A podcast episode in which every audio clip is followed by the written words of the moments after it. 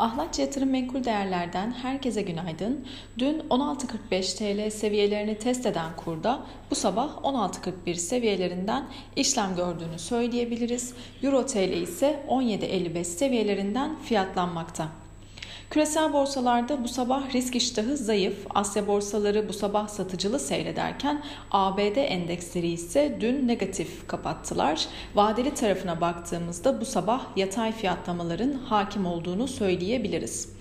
Amerika'da dün açıklanan ISM verisinin ardından Fed'in sıkılaşma beklentilerinin artması ve St. Louis Fed Başkanı Bullard'ın enflasyonu düşürmek için faizleri %3,5'a çıkarılması gerektiğini açıklamasının ardından risk iştahı bozulmuş durumda.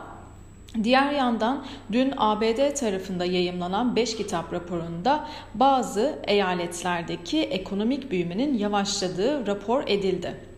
Brent petrol tarafına baktığımızda Suudi Arabistan'ın Rus, Rus petrolüne ambargo uygulanmasının ardından üretimini artırabileceğine yönelik çıkan haberlerin de etkisiyle Brent petrol tarafında 114 dolar seviyelerine kadar bir geri çekilme yaşandığını söyleyebiliriz. Fakat e, Brent petrol piyasasında özellikle talebin hala artmaya devam etmesi ve ekonomik toparlanmalarla birlikte düşük arzın olması durumunda yönün yukarı olduğunu söylemek mümkün. Özellikle 109 dolar seviyesinin üzerinde yükseliş trendinin devam edeceğini söyleyebiliriz.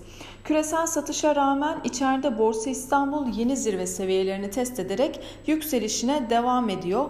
Aylık %5'e yakın bir enflasyondan korunmaya çalışan yerli yatırımcı alternatif yatırım aracı olarak Borsa İstanbul'u tercih etmeye devam ediyor. Özellikle endekste enerji ve bankacılık sektörlerinde pozitif ayrışma yaşandığını gördük. Borsada bugün sınırlı yükseliş ile bir başlangıç görebiliriz.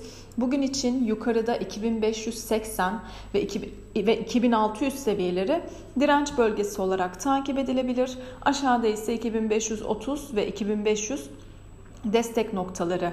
Mayıs ayında otomotiv sektörünün iç piyasa satışlarında bir toparlanma mevcut fakat Avrupa bölgesine dair endişeler nedeniyle bugün borsada otomotiv sektöründe sınırlı pozitif etki yapabileceğini söyleyebiliriz.